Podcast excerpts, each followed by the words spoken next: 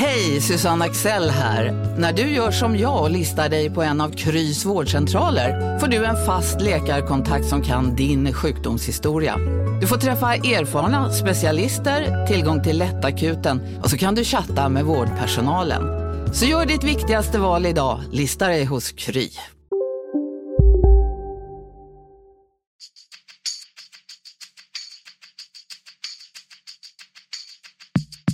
Skönt att komma ut och uh, bara lukta gräset. Så det, är, det är fotboll för mig. Nu är jag här och jag är väldigt glad att uh, kunna spela för det laget som jag har närmast om hjärtat. Om att skapa tro, om att tro på det vi gör, jobba vidare och vi ska bara ut där och ska vi leverera. Och det ska vi ju. Basta.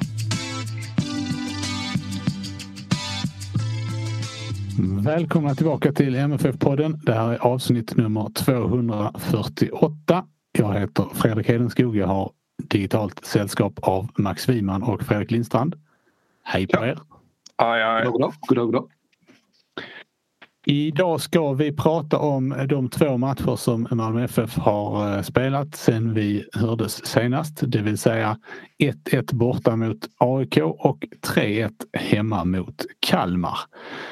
Eh, och vi kommer att hoppa lite fram och tillbaka kanske mellan de här matcherna för att det känns ändå som att det är någon sorts helhetsintryck som är, är värt att, att prata om eh, i det här sammanhanget.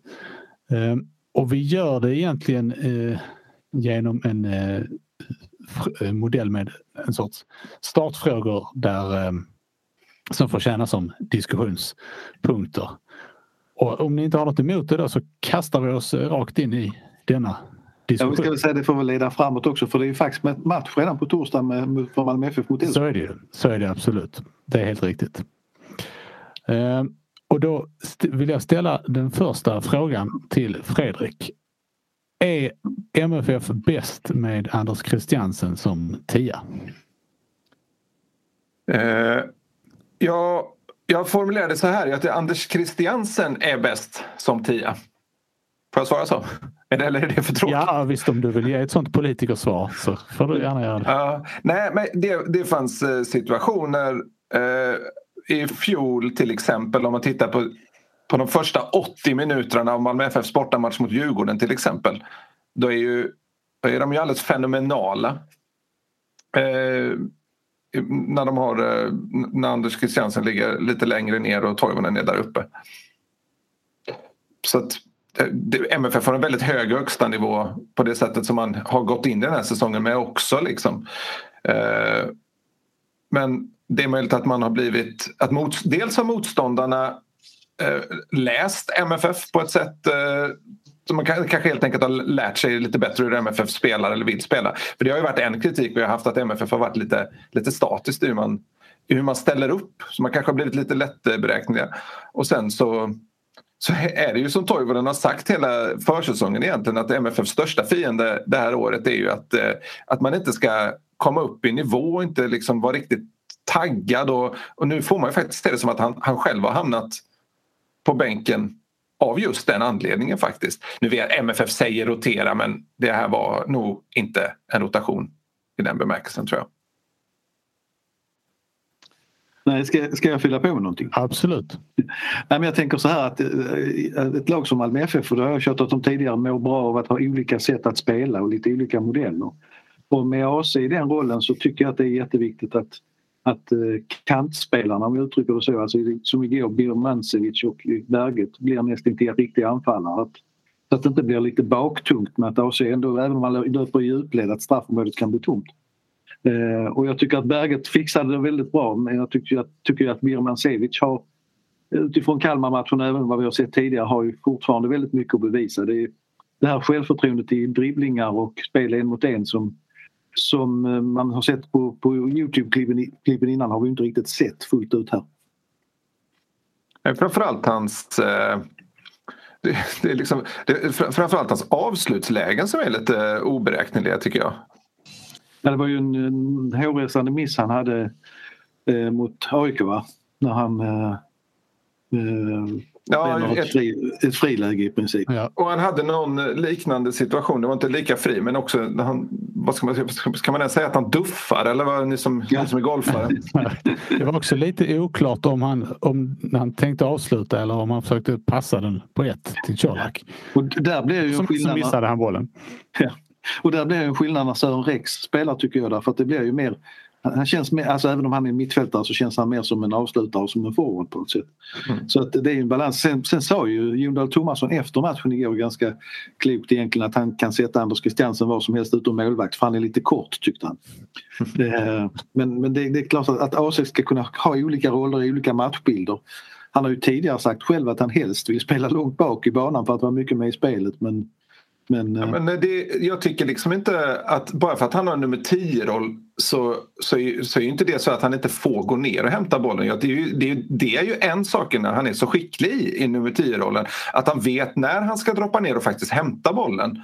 Eh, vi har, det har vi till och med att, att det har varit något vi har pratat om tidigare under tidigare säsonger. Att han har varit för långt nere när han har haft nummer 10-rollen. Och liksom i de matcherna när MFF-spel inte riktigt har funkat att, att, att han har hamnat bredvid Bachirou eller Vicky eller vilka det nu kan ha varit som har haft de defensiva positionerna. Att han, att han blivit lite för sugen på att gå ner och hämta då. Eh, så, men, ja, jag, jag eh, vill nog, tycker nog att MFF ska fortsätta ha Anders Christiansen som tia. Sen om det ska betyda att Ola Toivonen inte ska vara på plan är en annan sak. Det det öppnade för nu också, för Toivonen kan ju också ha lite olika roller men eh, vi har ju pratat om tidigare att, att när Rakip och AC har haft de roller de har haft har de inte funkat ihop. Nu fungerar det ju betydligt bättre när eh, det fortfarande fanns en defensiv mittfältare bakom så att säga. Mm. Eh, Erdal var ju under första halvlek i alla fall betydligt bättre tycker jag än vad han har varit på ett tag. Även om han haft vissa skadebekymmer berättade han. Han har haft ont i ett lår. Ja. Nej, men jag tror som sagt, också som Max var inne på också, att det handlar kanske inte just snarare om att MFF om, om systemet i sig utan om att man faktiskt gjorde ett skifte. Att man överraskade sin motståndare. Eh, det, det kunde mycket väl ha varit att MFF har inlett så som de gjorde igår och inte riktigt fått det att stämma. Och så bytte man till alltså, någon slags vice versa situation om ni förstår vad jag menar. Alltså jag tror snarare det handlar om att man inte, inte låser sig vid ett system liksom, utan att man, att man skiftar där och, och att överraska motståndaren och håller sig själv på tårna hela tiden.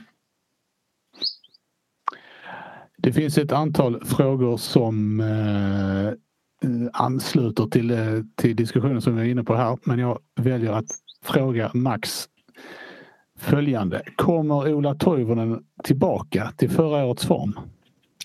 Ja, det, det, det, är sådär. Det, det är alltid svårt att säga in i framtiden. Jag tror att Toivonen kommer att hitta bättre och bättre form. Jag tror att han är lite som Marcus Rosenberg var de sista åren att det liksom tar lite tid att veva igång maskineriet. Nu kan man säga att försäsongen har varit lång och så vidare men den kanske inte har motiverat honom i lika hög grad. Och jag tror att eh, det här att han började på bänken igår var väl dels kanske en liten markering men handlade kanske också om att det är match på torsdag igen. Jag blir inte förvånad om, om Ola startar mot Elfsborg. Eh, sen om han är upp i förra, förra årets form, ja. Jag tror det handlar mycket om motivation. Jag tror det handlar om eh, hur MFF går in i Europaspelet i sommar. Att, att, vad ska man säga, den här allsvenska starten den är ju ganska kort trots allt. Eh, och nu, det är precis som det, det blir ju en försäsong till nu här. Så att jag tror inte vi har svaret på hur Toivonens 2021 kommer att se ut förrän efter EM. Och när Europaspelet drar igång. Mm. Fredrik, den här, det som du nämnde tidigare med, med mättnad och så vidare. eh, Är det, är det lite lustigt ändå att, eh, att, att, eh, att Toivonen så, så vitt man kan bedöma ändå liksom lite grann går i den fällan, fällan själv? Att det, att det är oväntat eller vad menar du? Ja, att det är lite, vad ska man säga, eh, ja lite oväntat. När han just, eh, eftersom han ändå har varit eh, så medveten om det och kommunicerat det ganska tydligt. Mm. Att vi måste Alltså- passa oss för det. Jag, jag tror... Delvis handlar det väl om, om att Toivonen inte kommit upp riktigt i nivå. Samtidigt så tror jag också... Jag skrev en krönika inför eh, AIK där jag hittade lite statistik på Ola Toivonen och en ganska stor aspekt i det är att han dels har behövt att ta ett mycket större fysiskt ansvar för att Colak inte är Isak Kiese Colak löper mycket hellre i djupled, han går inte in i lika många dueller. Så att Ola Toivonen får göra mycket, mycket targetjobb så att säga. Sen är det också att själva hela den här Rakip eh, Christiansen-situationen har för Toivonen inneburit att han får ta ett större ansvar defensivt och framförallt att han inte får lika mycket passningar längre. Han, tar emot, han har tagit emot betydligt färre passningar under den här serieinledningen än vad han gjort tidigare säsonger. Eller tidigare säsonger, den förra säsongen rättare sagt. Eh, det är ganska avgörande för honom. Han vill ha mycket boll för att kunna göra någonting med den. Eh, sen så ska det också sägas när han väl har fått bollen så har han ju gjort förvånansvärt lite med den. Han har inte kommit till så mycket avslut. Han har inte hittat sina medspelare lika bra. Men jag, jag vill liksom ändå någonstans hävda att det inte bara har med Ola Toivonen att göra utan att han som är liksom spindeln i nätet där blir ganska påverkad när nätet är sönder på sina ställen. Visst var det en fin metafor? Jättefin faktiskt. Ja. Tack. Eller liknelse kanske det var snarare. Skitsamma, men det är liksom, alltså, han har inte kommit upp i nivå och nu blir det väldigt tydligt när, eh, när eh, MFF gör om och flyttar upp Christiansen i den rollen och får, får ut mycket, mycket mer. Men jag vill någonstans hävda att det inte bara har med Toivonen att göra utan det kanske nästan har lika mycket med Colak att göra. Och jag, för att få igång Toivonen så tycker egentligen jag att MFF bör spela på ett lite annat sätt. Jag tycker att Colak och Toivonen kan vara anfallare ihop. Jag tror att de skulle få mycket mer ut av varandra. Och, eh, för Colak, även om han var bättre än tidigare nu mot eh, eh Kalmar så blir han ofta, och, och mot AIK också för den delen, så blir han ofta lite för ensam uppe på topp. Eh, han springer själv ner mot hörn, hörnerna och har liksom ingen riktigt med sig. Och de gångerna han agerar target så, finns det, eh, så är det lite för långt till närmsta spelare. Och att det blir ofta han själv mot en hel drös försvarare. Eh, så där tror jag det finns... Jag skulle vilja säga att Toivonen är mycket närmare honom och det kan man ju få även om man går över i ett 4-4-2 där Anders Christiansen och Pavle Vagic till, tillsammans på mitten till exempel. eller ett, som man avslutade igår då, 5-3-2 eller om man vill vara lite mer offensiv 3-5-2. Men där kan, där, jag, jag, tror man skulle få ut betydligt mer av Toivonen där och jag tror att det skulle göra Colak ännu vassare. Jag har egentligen tjatat eh, att jag från början när Toivonen kom hem såg honom så mycket en spelare i straffområdet som han gjorde otroligt mycket mål på i Australien. Bland annat eh, genom att äh, vara på rätt ställe där inne. Utan det, det, jag, jag, jag, tror att han skulle göra mer, ännu mer nytta för MFF där. Och att man, man måste, som Fredrik är inne på, moderera spelsystemet lite grann efter, efterhand här. Och jag tycker inte vi ska glömma att när Ola Toivonen värvades, vilket ju är nästan exakt ett år sedan idag. Eh, eh, inte riktigt va, några veckor fel. Men eh, då sa MFF att han var anfallare. Det var som det han värvades som. Nu får de stå för sitt ord. Vi håller oss kvar i anfallet Fredrik, gör Antonio Colak 12 mål eller fler i årets allsvenska? Ja, det är ju spännande att han och Marcus Antonsson ser ut att gå liksom någon slags eh, en liten duell där om, eh, i, i, i skytteligan. Ja, han kan nog mycket väl göra 12 mål, det tror jag. Var, var var, varför? Nej, men nu tycker jag att det bara komma till de här heta lägena. Det, var, det är en sak att liksom göra ett viktigt mål i en toppmatch men det, det, där är liksom där har MFF ett sånt spelsystem så att det är många som kan dyka upp i avgörande situationer. Där är det ju kanske inte så viktigt i sig att det är just Colak som gör det. Det går liksom, ah, du gick, ni vann med 1-0 borta mot Hammarby då, om man säger så. Ah, och det var inte Colak, då kan man ju liksom inte lasta Colak för för att det inte var han som gjorde målet om MFF vinner en sån tuff match. Men när, när det kommer till de lite lägre lagen där man ska döda en match tidigare då tycker jag det är framförallt viktigt där då att, att uh, skyttekungen liksom öser in några bollar och, och dödar matchen. Liksom. Vad fick du för intryck eh, igår, eh, eller efter Kalmar-matchen av, av Colak Max? Nej men det är mycket det man vill se av en sån spelare. Det är lite Rosenberg vid barriären där att, att vara på rätt ställe vid rätt tillfälle. Det är ju, framförallt första målet kanske inte är svårt att göra men det gäller att göra löpningen dit. Eh, man ska inte glömma att han har en fin assist ut till Rakip till första målet.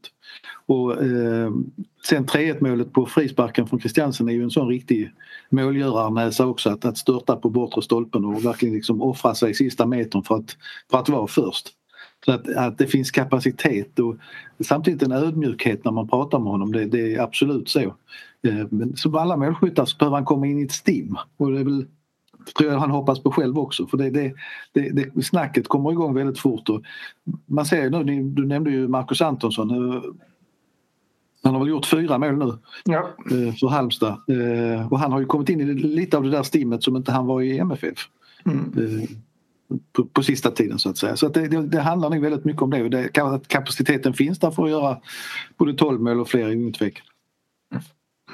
Och det är det vi var in, jag var inne på med Toivonen också att där finns också en kapacitet. Eh, tror jag i alla fall. Det handlar också mycket om omgivning och att den ska stämma och så vidare. Men sen så kommer det också komma, MFF skrev ju i mina ögon kanske ett lite oväntat långt kontrakt med Toivonen med tanke på, alltså i den rollen Kommer det, är för det, sista, det är nog för att det är sista kontraktet. Du måste ja, men det, det, lite det, är, det är väl så. Det, är väl så. Nej, men det, det kommer ju komma en dag då, då Toivonen har kanske blivit något år för gammal. Liksom. När det gäller Colak ska man inte glömma att han var ju väldigt nära faktiskt att avgöra mot AIK. Han hade ju ett jättebra läge där målvakten gör en bra räddning mot slutet. Mm. Så att eh, det kunde ju börjat redan där med lite marginaler.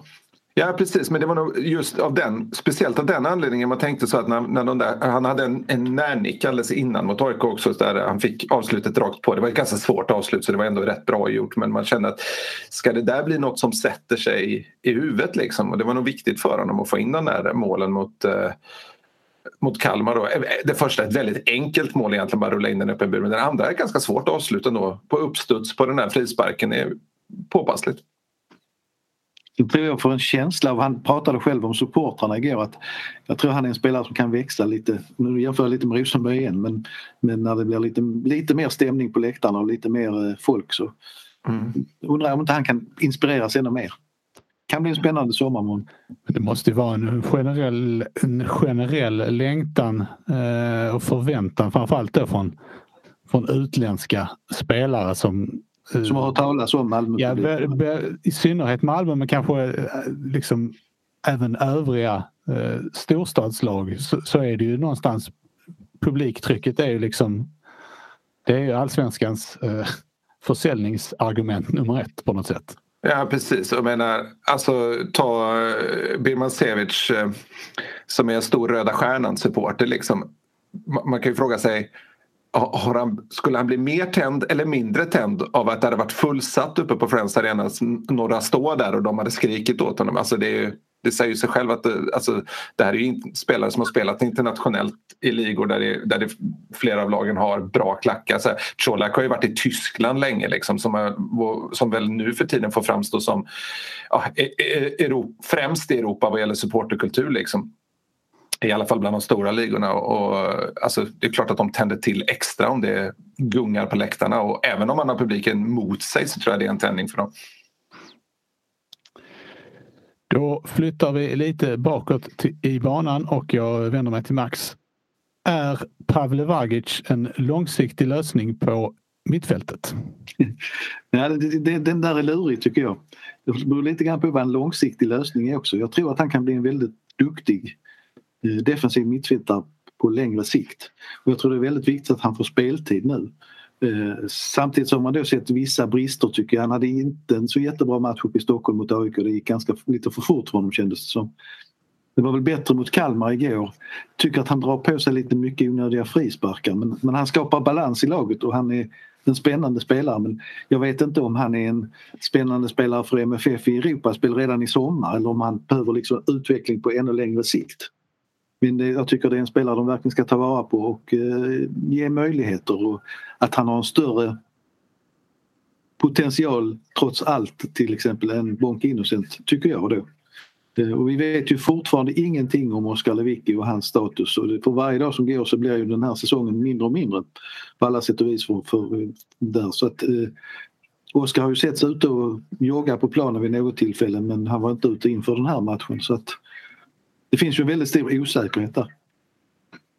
Det var lite, lite politikersvar där också men... Eh, ja, men eh, det är svåra frågor. Så att... ja. Nej, men det, alltså, Vagic har ju vissa kvaliteter som jag tycker är, är i sitt passningsspel och i sin, sin duellstyrka när han är som bäst som är väldigt spännande men är lite ojämn nu.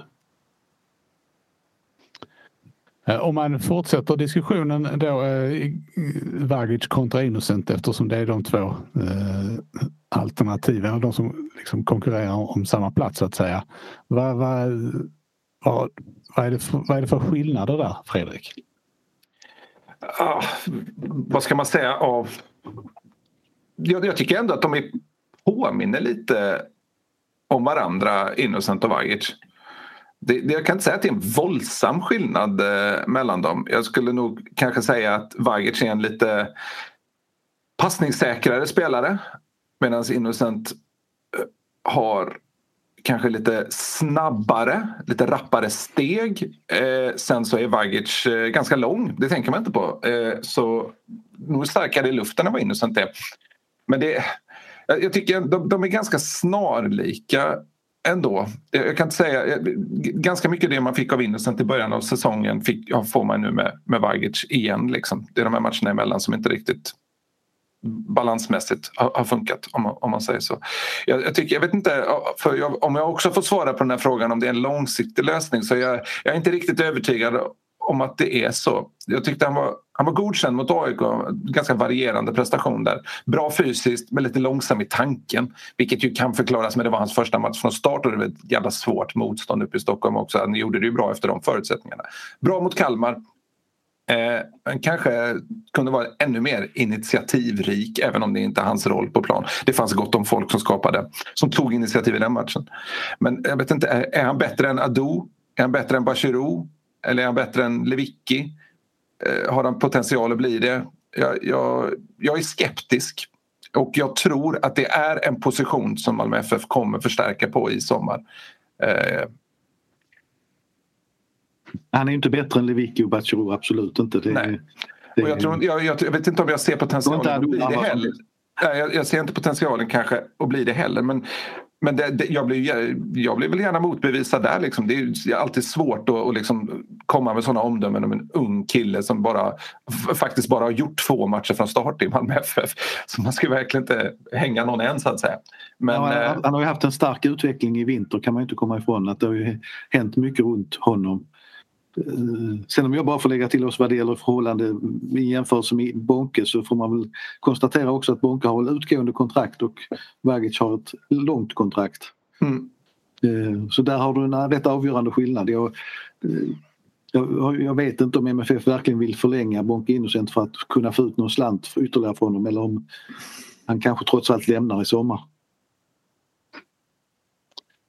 Nej, det handlar väl lite grann också om, om om eh, den interna ekonomin så att säga. Jag, man kan ju gissa att, att Bonke Innocent har eh, högre lön än Pavle Vagic. Ja, det skulle kännas ganska vågat att förlänga hans kontrakt kan jag tycka. Med tanke på hur, liksom, hur ändå karriären i MFF har sett ut. Mm. Men han är ung fortfarande han också, det ska man inte glömma. Då Fredrik kommer nästa fråga. Kommer, okay. Jag med.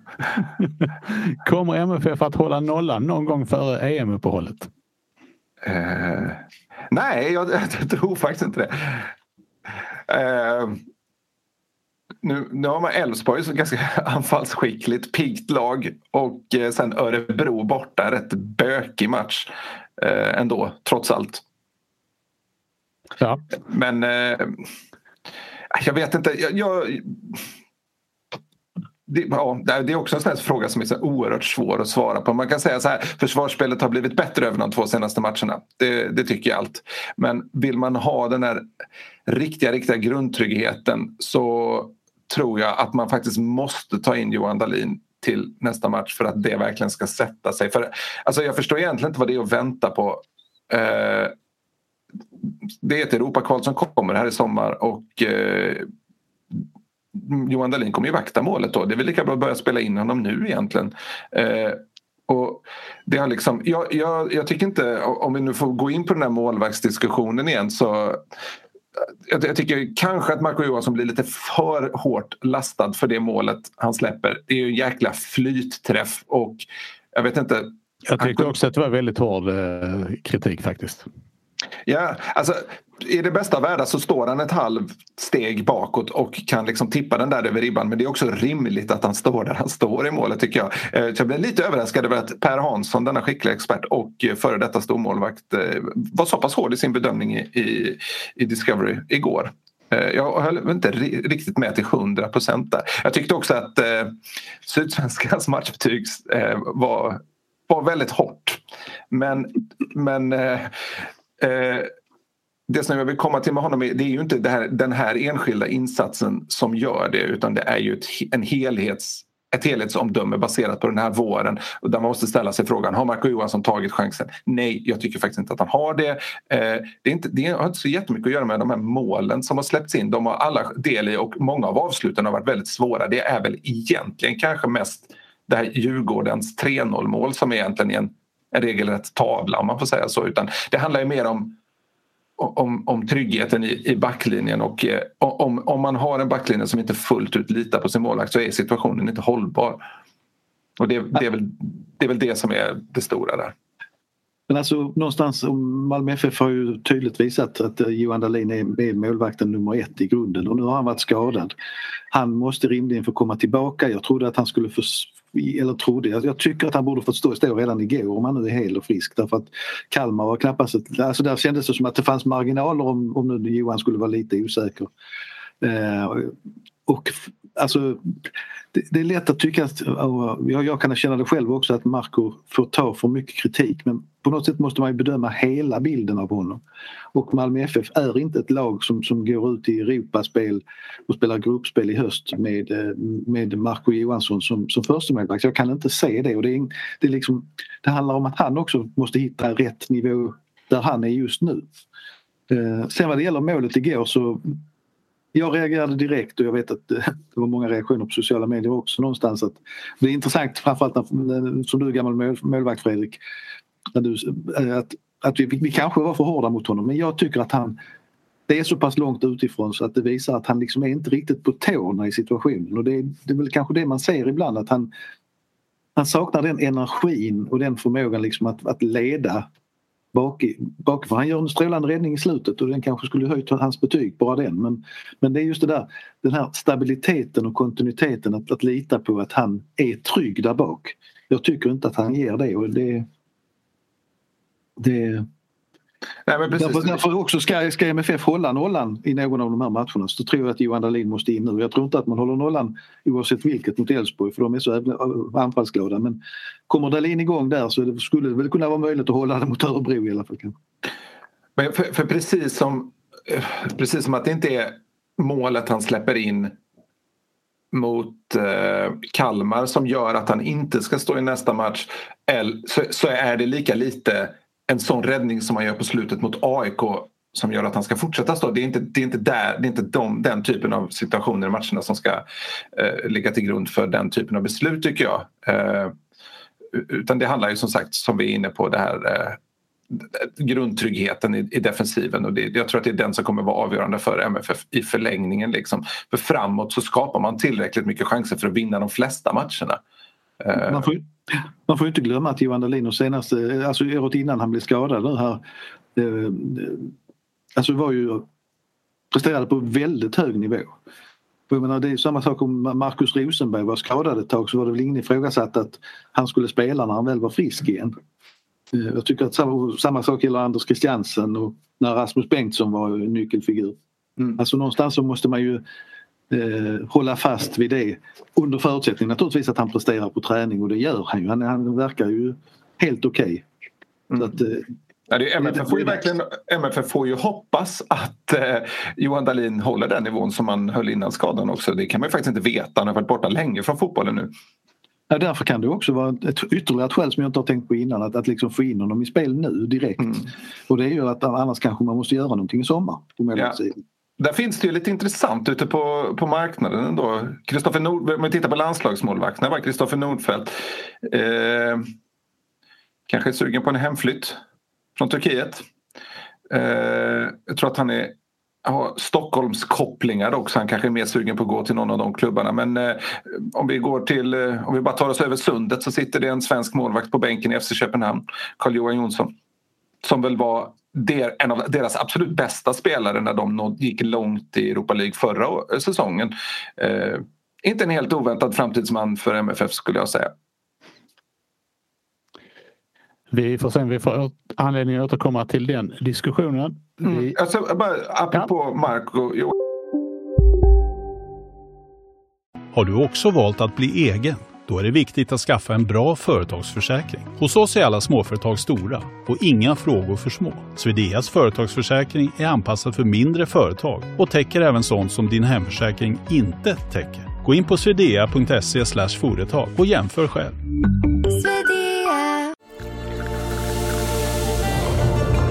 Välkommen till Maccafé på utvalda McDonalds restauranger med Baristakaffe till rimligt pris. Vad sägs om en latte eller cappuccino för bara 35 kronor? Alltid gjorda av våra utbildade baristor.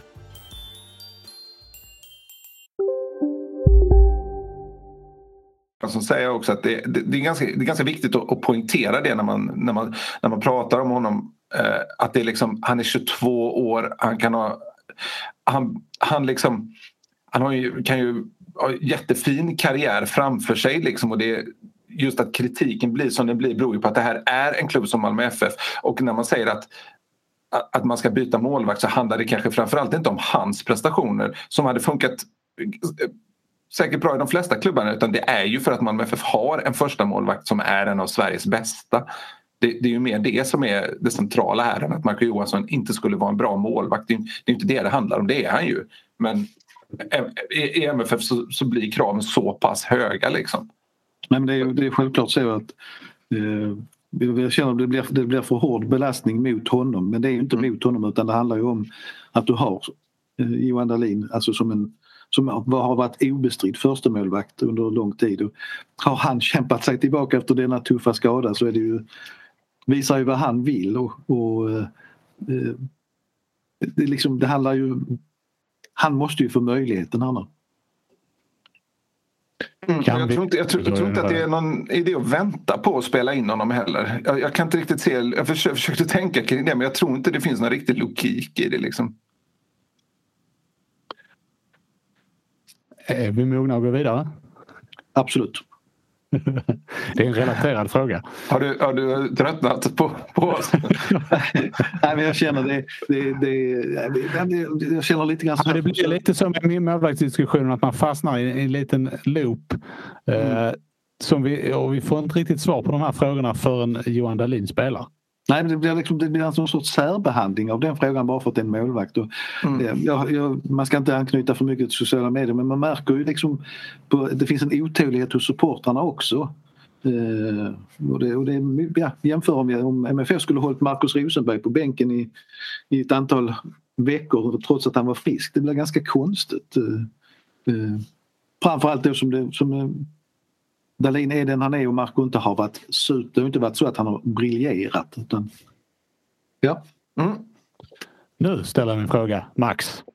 Yes. Har MFF eh, fått ordning på försvarsspelet? ja, det är ju relaterat det delvis och jag skulle vilja säga att det, det vet vi inte nu. Eh, Kalmar belastade väl inte, det såg väl bra ut långa stunder mot AIK, det får man väl säga, även om AIK hade några bra chanser.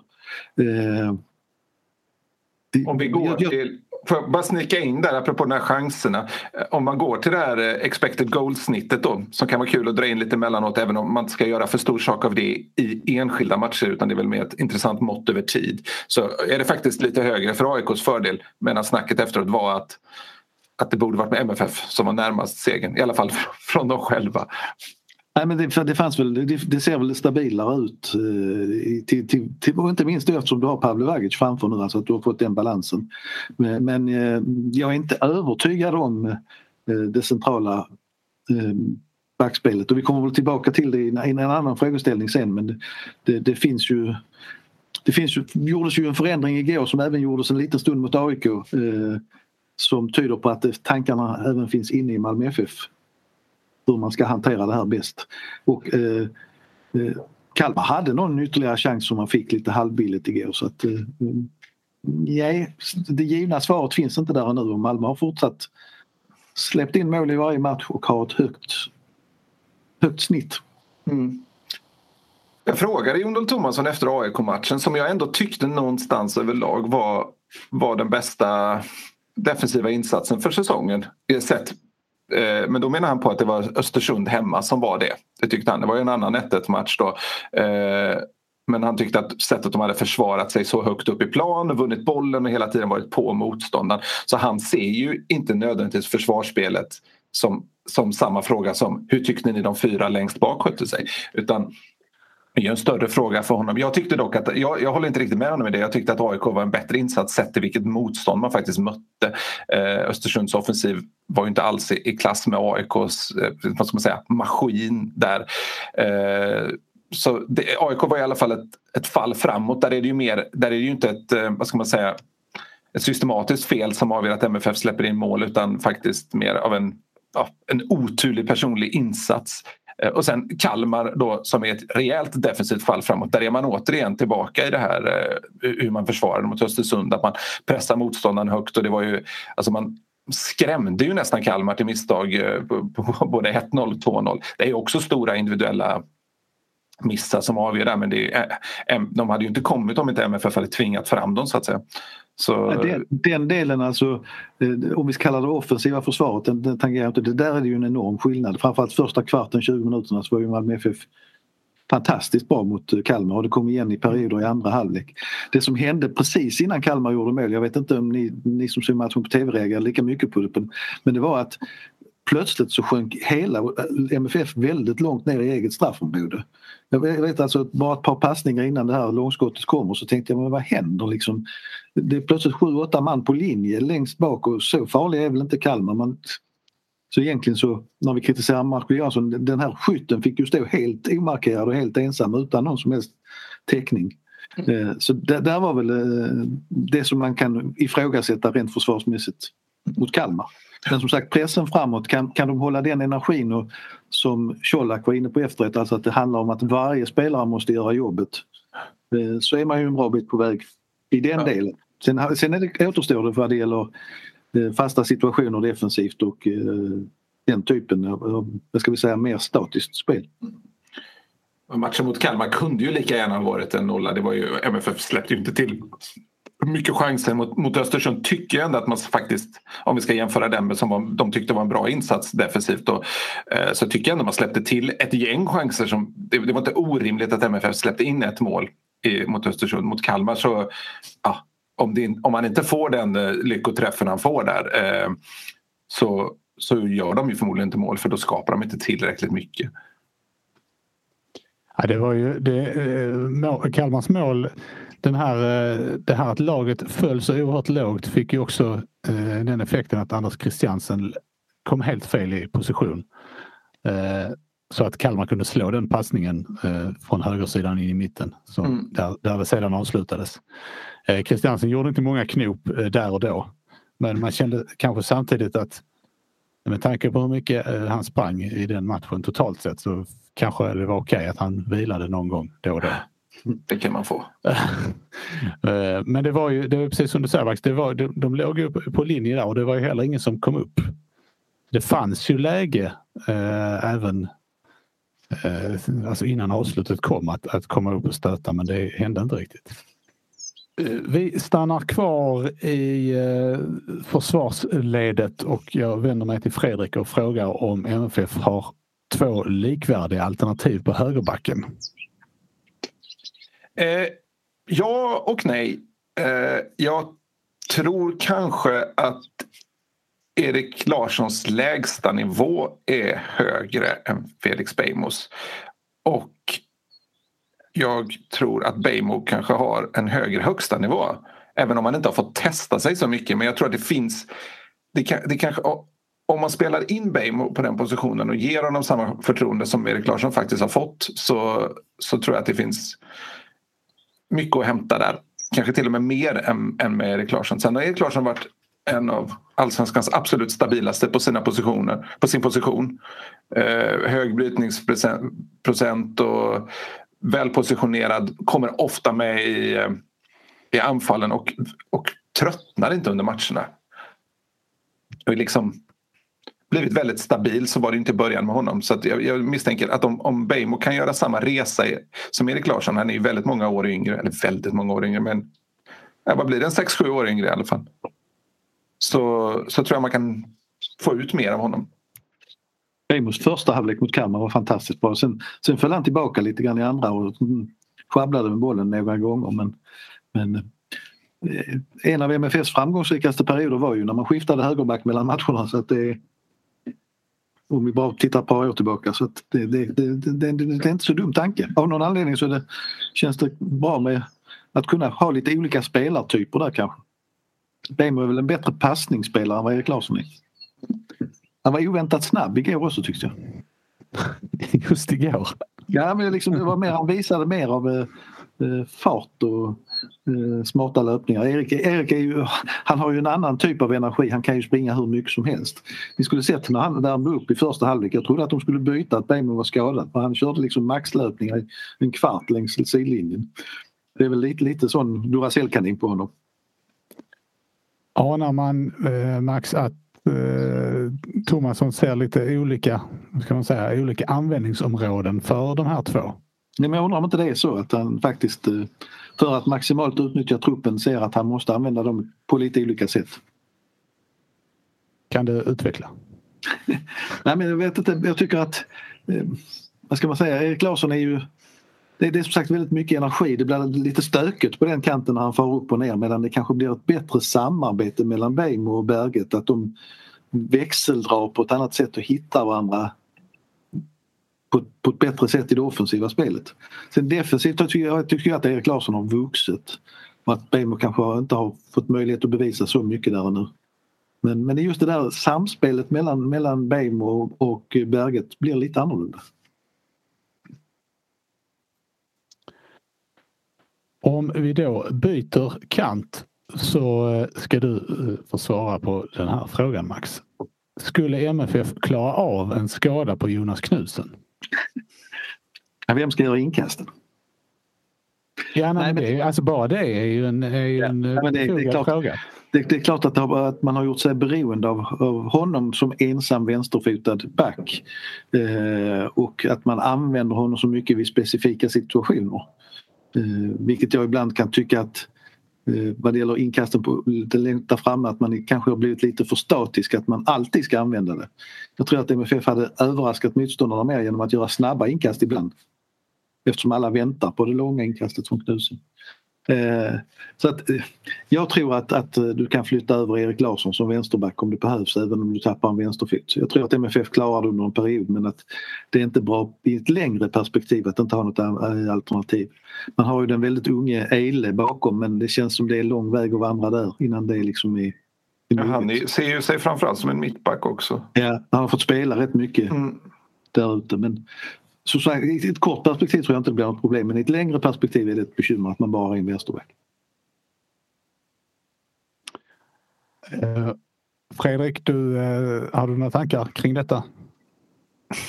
Nej men alltså om man, om man tittar till höger och ser hur, hur den situationen ändå verkar sporra båda två, både Beim och, och Erik Larsson, så vill man ju ha, förstås ha samma position till vänster det är väl inte, egentligen inte så mycket svårare än så. Det känns som att MFF lite har gamblat på den positionen helt enkelt. För att lägga kraft på andra ställen. Sen blev det en rolig situation igår, jag vet inte så mycket det framgick i TV men vi, eftersom jag då är domare i annan sport så konfererar jag gärna med domarkontrollanter och annat och gamle stordomaren Ingvar som var satt på läktaren och kollade igår. Eh, det var ju så att, att eh, Knutsen tog ett inkast nästan ända ner vid mittlinjen. Så det gör han ju ibland och hivade väldigt långt fram och Eh, en ivrig assisterande domare skickade upp flaggan och vinkade offside. Eh, jag trodde faktiskt att domaren blåste men eh, Ingvarsson påstod att han inte gjorde det. Man kan alltså aldrig vara offside på ett inkast. Och det ska sitta i ryggmärgen jag, jag, jag har förstått att assisterande fick en rätt, alltså det är en sån grej de inte får lov att göra fel på. Men att det blir fel beror ju på att det är ju ingen som förväntar sig ett så långt inkast och det gäller det när Knutsen spelar att vara extra vaken. Och ibland tycker jag att det snabba inkastet från honom vid mittplan är väl så effektivt som när han ska vandra upp och, och eh, göra sitt inläggsinkast. Ja, nej, det noterades faktiskt även i tv-sändningen. Eller de noterade att, att det var offside, men inte mer än så. Bollen gick ju väl ner till Kalmar-målvakten om jag inte minns. Han gjorde det till slut. Att, eh, spelet rullade bara på. Men det är en sån grej som, det, alltså hade Malmö gjort ett mål där och blivit avvinkat för offside så hade kanske till och med inbitna supportrar skrikit på VAR. Det ska inte kunna hända. Så. Nej, alltså att man tolkar saker uh, så att det är en helt annan sak. Så det blir fel är en sak. Men att, att uh, ta fel på regel, reglerna och inte se uh, vad som händer det är ju det är något annat. Mm. Ja. Vi pratade här om, om högerbacksväxlingen och, och lite andra positioner. Så då är frågan Fredrik, mm. har Jon Dahl Tomasson fått rätt på rotationerna? Ja, det, han, har, han har ju bara roterat ett halvt varv än. Alltså han har, nu har han ju bara alltså han har ju bara tagit ut Toivonen. Nu får vi se om Toivonen kommer tillbaka också. För, för att rotera måste man ju byta tillbaka och spela in igen. Vi är bara han, roterade bort, han roterade bort fyra man i matchen innan. Ja. Nej men Ja, för, att vara, för, att konsekvent, för att konsekvent ha vägrat prata om formation så har ju Tomasson varit synnerligen låst vid just en typ av formation. Och att, att formation är ett känsligt ämne för MFF har ju också visat sig inför matcherna då han trycker upp fel information på de här eh, startelvsbladen som går ut till alla journalister och som även finns på svenskfotboll.se. Där, där har ju Malmö FF konsekvent eh, valt att tramsa helt enkelt eftersom de inte kan skriva rakt ut hur de ställer upp i matchen.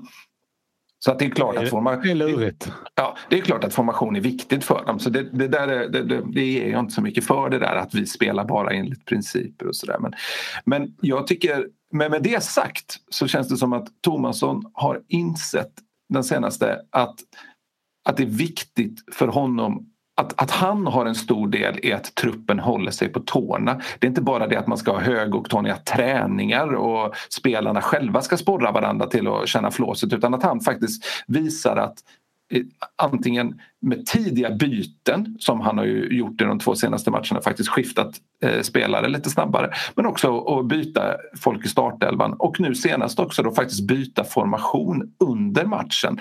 Att, eh, att våga byta till en fembackslinje och, och liksom hålla laget på tårna på det viset. För att hans roll är att laget är motiverat. Det är nästan hans främsta roll skulle jag säga.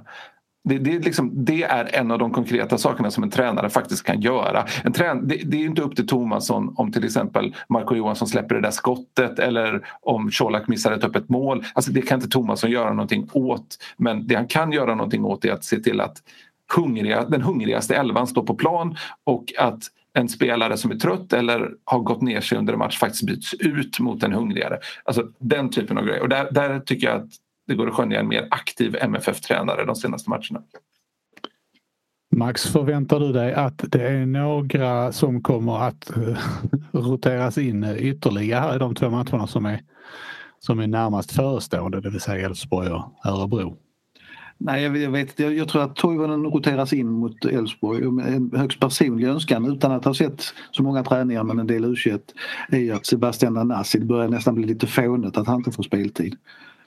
Förlåt uttrycket men alltså, han, han måste få en chans innan uppehållet annars blir det väldigt, väldigt märkligt. Eh, och med tanke på hur Birmancevic eller Birmancevic såg ut nu igår så, så så blir det ännu konstigare om jag säger så. Sören Rex har ju ont i ryggen och det är väl eh, kanske lite tveksamt då om han är tillbaka innan uppehållet. Där. Ryggbesvär brukar inte gå över sådär jättesnabbt. Om, om jag minns rätt så har han haft problem tidigare. Ja, och det är inte, jag menar, nästa match är ju bara eh, två dagar bort när vi spelar in och sen så väntar det en hård plastmatta i Örebro ja. efter det.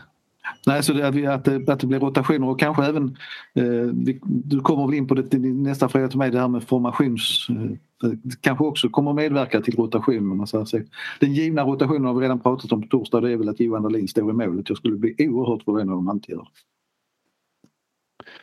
Om vi tar den frågan då eh, så kan man ana en, en utökning av spelprinciperna. Ni har redan varit inne på det men ni får gärna utveckla eh, nej, det blev väldigt påtagligt. Återigen vet jag inte hur mycket som syntes i bild men när, eh, när för första gången Jon Dahl Tomasson plockar upp, eh, inte hela pärmen men blad ur pärmen och kallar till sig spelare faktiskt nästan som en timeout och nästan under spelet eh, för att visa att vad han hade på gång och att det sen kommer det här mittbacksbytet som då var planerat och bestämt och inte hade med Kalmars mål att göra och inte MFFs 3-1 mål för allting hände i en snabb följd där.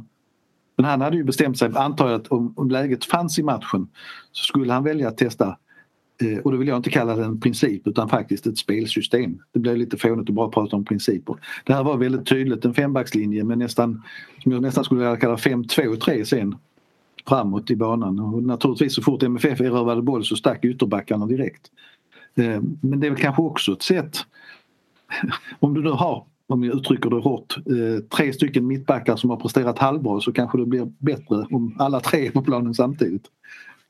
Eh, alltså, jag tror det är jätteviktigt som Fredrik har varit inne på också att, MFF har alternativa sätt att spela fotboll, inte minst när man går in i Europaspelet och eh, även i toppmatcher i Allsvenskan. Så att det, det, var en ganska tydlig riktningsförändring som började med att han bytte in Brorsson i slutet mot AIK och att han nu eh, uppenbarligen har tränat på det här också att, att spela med en fembackslinje. Som Jöge Hareide gjorde så framgångsrik för ett antal år sedan. Ja, bytet kom ju redan i 59 minuten eller någonting. Ja, det, det var ju uppenbart så att, att man hade bestämt att om, om vi har läge i matchen så, det, det sa ju Thomasson rakt ut, så, så ville man testa den här varianten. Det var också, man hade med sig att eh, eh, vad heter det, att, att Kalmar hade haft problem med Göteborgs fembackslinje. Så därför tyckte man det var ett bra tillfälle. Jag glömde få med din text. Märktes det någon skillnad tyckte du Fredrik efter det här bytet? Det, det kändes väl ganska avgjort. Jag tycker MFF spelade av matchen då på ett bra, lugnt och fint sätt liksom. Det var lite sl slutet av matchen präglades väl lite av slarv tyckte jag. Det var liksom inget. Jag vet inte, jag fick bara känslan av att jag kom på mig själv med att zooma ut lite emellanåt för att det var, liksom, det var som att det var inte riktigt spännande sådär.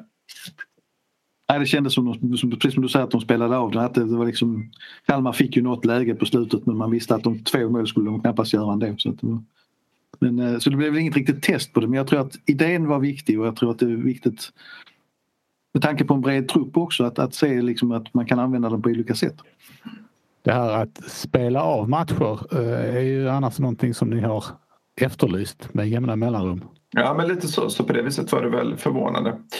Just de här 18.30 avsparkarna gör det ju svårt för oss småbarnsföräldrar som har vant oss vid att hetslägga barnen under paus mellan kvart i åtta och åtta och sen så är man igång igen till andra halvlek.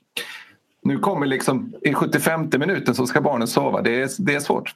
Ja, det är också svårt att sätta lite press på. Det liksom försvårar middags exakt, också. Exakt, exakt. Det är, nej. Jag hoppas att det blir ordning på det snart. Mm. Förlåt, om Max. vi har lagt barnen, höll jag Nej, men om vi, om vi har liksom lagt... När lägger du dina barn, Max? det, det, är mer barnbarnen, men i pandemitid så är det länge sedan de sov över här. Så att det, uh, nej, men om man får uh, uh, om vi tycker att vi kan lägga frågorna åt sidan så vill jag gärna, så jag inte glömmer bort det, ta upp ett annat ämne eller en fråga som jag tycker är allvarlig och eh, det handlar inte om ett försök till personförföljelse vilket kanske då en del genast tycker men eh, om vi vänder tillbaka till AIK-matchen så fanns det framförallt en situation där Anders eh, Christiansen gjordes ner väldigt fult av Sebastian Larsson. Eh, det slutade med en varning på Sebastian Larsson som dessutom under en lång stund lyckades, enligt vad det ser ut i alla fall, i vanlig ordning protestera mot denna varning. Som givetvis skulle varit ett rött kort direkt. Eh, och eh, då tänker jag ett par saker. För det första då så jag är inte rädd att ta på mig den rollen. Hade vi haft VAR i Allsvenskan så hade det blivit rött kort. Tycker det är viktigt att påpeka det som faktiskt det här kan tillföra också. Och som kan få bort Eh, olägenheter i svensk fotboll. Men jag tycker också att eh, Marcus Rosenberg fick ibland kritik för att han kunde hacka för mycket på domare. Anders Christiansen har också varit där men Sebastian Larssons uppträdande på fotbollsplanen nu eh, är någonting som domarna måste ta tag i innan det blir för sent. Och jag är vän av ordning. Jag tycker att man kan prata med, med Sebastian Larsson, att någon tar, tar tag i det här. Liksom, att det, det är inte okej okay, med den, den, typen av evigt snackande och eh, dessutom då kryddat med en del fula attacker som man liksom inte riktigt vill ta till sig. Även om han halvt erkände efterrätt. Jag tycker han, att han, tyckte Sebastian... att det, han tyckte att det möjligen kunde vara gult. Att det var okej. Okay. Ja. Mm. Nej, men jag, jag säger så här, jag tycker fortfarande att Sebastian Larsson har gjort fantastiskt mycket för svensk fotboll. Han är en väldigt duktig fotbollsspelare. Men även en, en sån spelare, och kanske ännu viktigare med en sån spelare, liksom, måste man kunna markera mot att det här, är inte, det här är ingen bra förebild eh, att hålla på på det här sättet. Det har varit för mycket sånt här genom åren, de senaste åren. Och jag tycker att det är hög tid att göra, göra någonting åt det. Och Anders Christiansen kunde skadats illa i det här. Anders har ju också haft en tendens till att kanske falla för lätt några gånger eftersom han får mycket smällar bakifrån. Men här, den här, jag, jag mådde dåligt av den därför att den var den, den sa mycket den smällen, den sa mycket om situationen och jag gillar inte det. Jag tycker att man måste ta tag i det. Om man lyfter det här till lite eh, mer generellt, vad, vad säger ni om domarinsatserna så här långt i, i allsvenskan? Om jag bara får fortsätta där innan så, så, kan jag säga, tycker jag, jag tror jag sagt innan också, att jag tycker det har blivit en liten tendens till att man slarvar med att bestraffa riktigt fula saker hårt Eh, och eh, lite för lätt eh, dömer frisparkar för så fort det är en hand i ryggen. Alltså man har lite nivåproblem som man måste justera och det handlar inte om en eh, orättvisa mellan lag för det, då är det mycket mer problematiskt utan det handlar mer om att hitta en rätt nivå i allsvenskan. Eh, om, man, eh, om man bortser då från eh deklarationsbiten så har väl domarna i Sverige gjort det överlag på, på förväntad nivå hittills. Eh, eh, jag tycker att serien har ungefär den bedömningen man kan förvänta sig sett till hur, bra spelarna är. Spelarna är inte bättre på fotboll än vad domarna är på att döma om man säger så. Eh, Sen, så att jag, det blir lite motstånd till att ge domarna för mycket fokus för, för eventuella misstag. Det kan lätt bli liksom en så här, någon slags för, förföljelsekultur i det att man highlightar så mycket de misstagen eh, som de gör. Anders Christiansen var ju också väldigt noga med det efter AIK, MFF AIK att han tyckte att Glenn Nyberg, var det väl som dömde den matchen om jag inte minns helt fel, eh, hade gjort en jättebra match. Bortsett från det här domslutet kanske. Men, eh, och det, det, det håller jag helt med om. Jag tycker att han höll en en, en jättebra nivå och det är inget lätt möte att döma MFF eh, AIK. Mycket grinigheter på plan liksom med mycket spelare som tuppar sig och, och håller på. Sen, det, det är lätt, alla, alla kan ju se där att Sebastian Larsson ska ju förstås ut för, det, för den där eh, händelsen. Sen så vet jag inte om jag riktigt vill se Sebastian Larsson som en spelare som spelar väldigt mycket fulare än någon annan i serien ut, som har den typen av roll på plan. Däremot är det jäkla kött på honom hela tiden på domaren och så. Men det är svårt, svårt att det är svårt att veta vad han säger exakt och sådär. Toivonen är också helt otroligt mycket på domarna under matcherna. Eh, det är ju de här gamla landslagsrävarna. Liksom. Det finns ju en högre acceptans för vad de kan få säga till en domare eh, under matchen. Eh, överlag så tycker jag att eh, alltså, Alltså, överlag så tycker jag att Sebastian Larsson är en, en allsvensk profil som är ändå som lite på samma sätt som Rosenberg är en sån där spelare som motståndarna avskyr. Och det finns nästan hatkärleksförhållanden till, eh, till den typen av spelare och det lyfter ju någon slags serie peppen och sådär men det är möjligt att han har gått över, över gränsen någon gång för mycket. Jag tror man ska liksom vårda sådana spelare också så att det inte blir så att det inte trillar iväg över gränsen. Jag vill bara komplettera med att jag håller med att generellt det inte bara domarna utan jag tycker domarteamen, alltså bedömningen av offside eftersom man kan se den i de här tv-linjerna är faktiskt bra. Det jag menar med det här med knuffar i ryggen och det hårda, det handlar inte om den generella bedömningen. Jag tycker också att de allsvenska matcherna flyter på bra. Men att eh, mm. det, det, det är vissa saker som man alltid som, precis som spelare och lag måste se upp med bör domarna också se upp mm. Jag måste säga att jag gillar det här med den här soft penalty-införandet som har kommit i säsongen eh, nu. Att man liksom ah, det får vara lite mer rejält om det ska bli straff så att säga. Jag tycker att man på det viset faktiskt har fått bort en del filmande i straffområdet. Att spelarna faktiskt väljer och om de har ett läge att fortsätta med bollen in i straffområdet så tar de det för de vet att om en, en, en enklare form av knuff inte nödvändigtvis ger straff även om det stenhårt enligt regelverket kanske borde göra det. Och det, det tycker jag har gett ett ärligare och renare spel i straffområdet många gånger. Eh, I alla fall det, om man får gå efter det relativt eh, lite statistiska underlag som, som finns. Det, vi har inte spelat med det så himla många gånger men jag tycker ändå att det är ett steg i rätt riktning. Eh, det får jag säga. Då så, då tackar vi för den här gången. Vi eh, återkommer efter eh, Örebro-matchen någon gång. Det här har varit avsnitt nummer 248 av MFF-podden där vi anser att konstgräs ska förbjudas i svensk elitfotboll. Jag heter Fredrik Hedenskog, jag har haft sällskap av Max Wiman och Fredrik Lindstrand och ansvarig utgivare är Jonas Kanje. Tack för oss, hej hej! Hej då! Hej hej!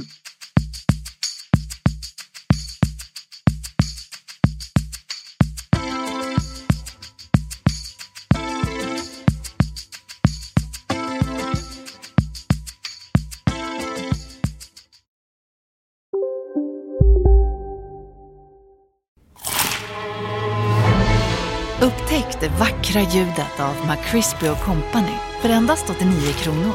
En riktigt krispig upplevelse. För ett ännu godare McDonalds. Hej Sverige! Apoteket finns här för dig och alla du tycker om. Nu hittar du extra bra pris på massor av produkter hos oss. Allt för att du ska må bra. Välkommen till oss på Apoteket.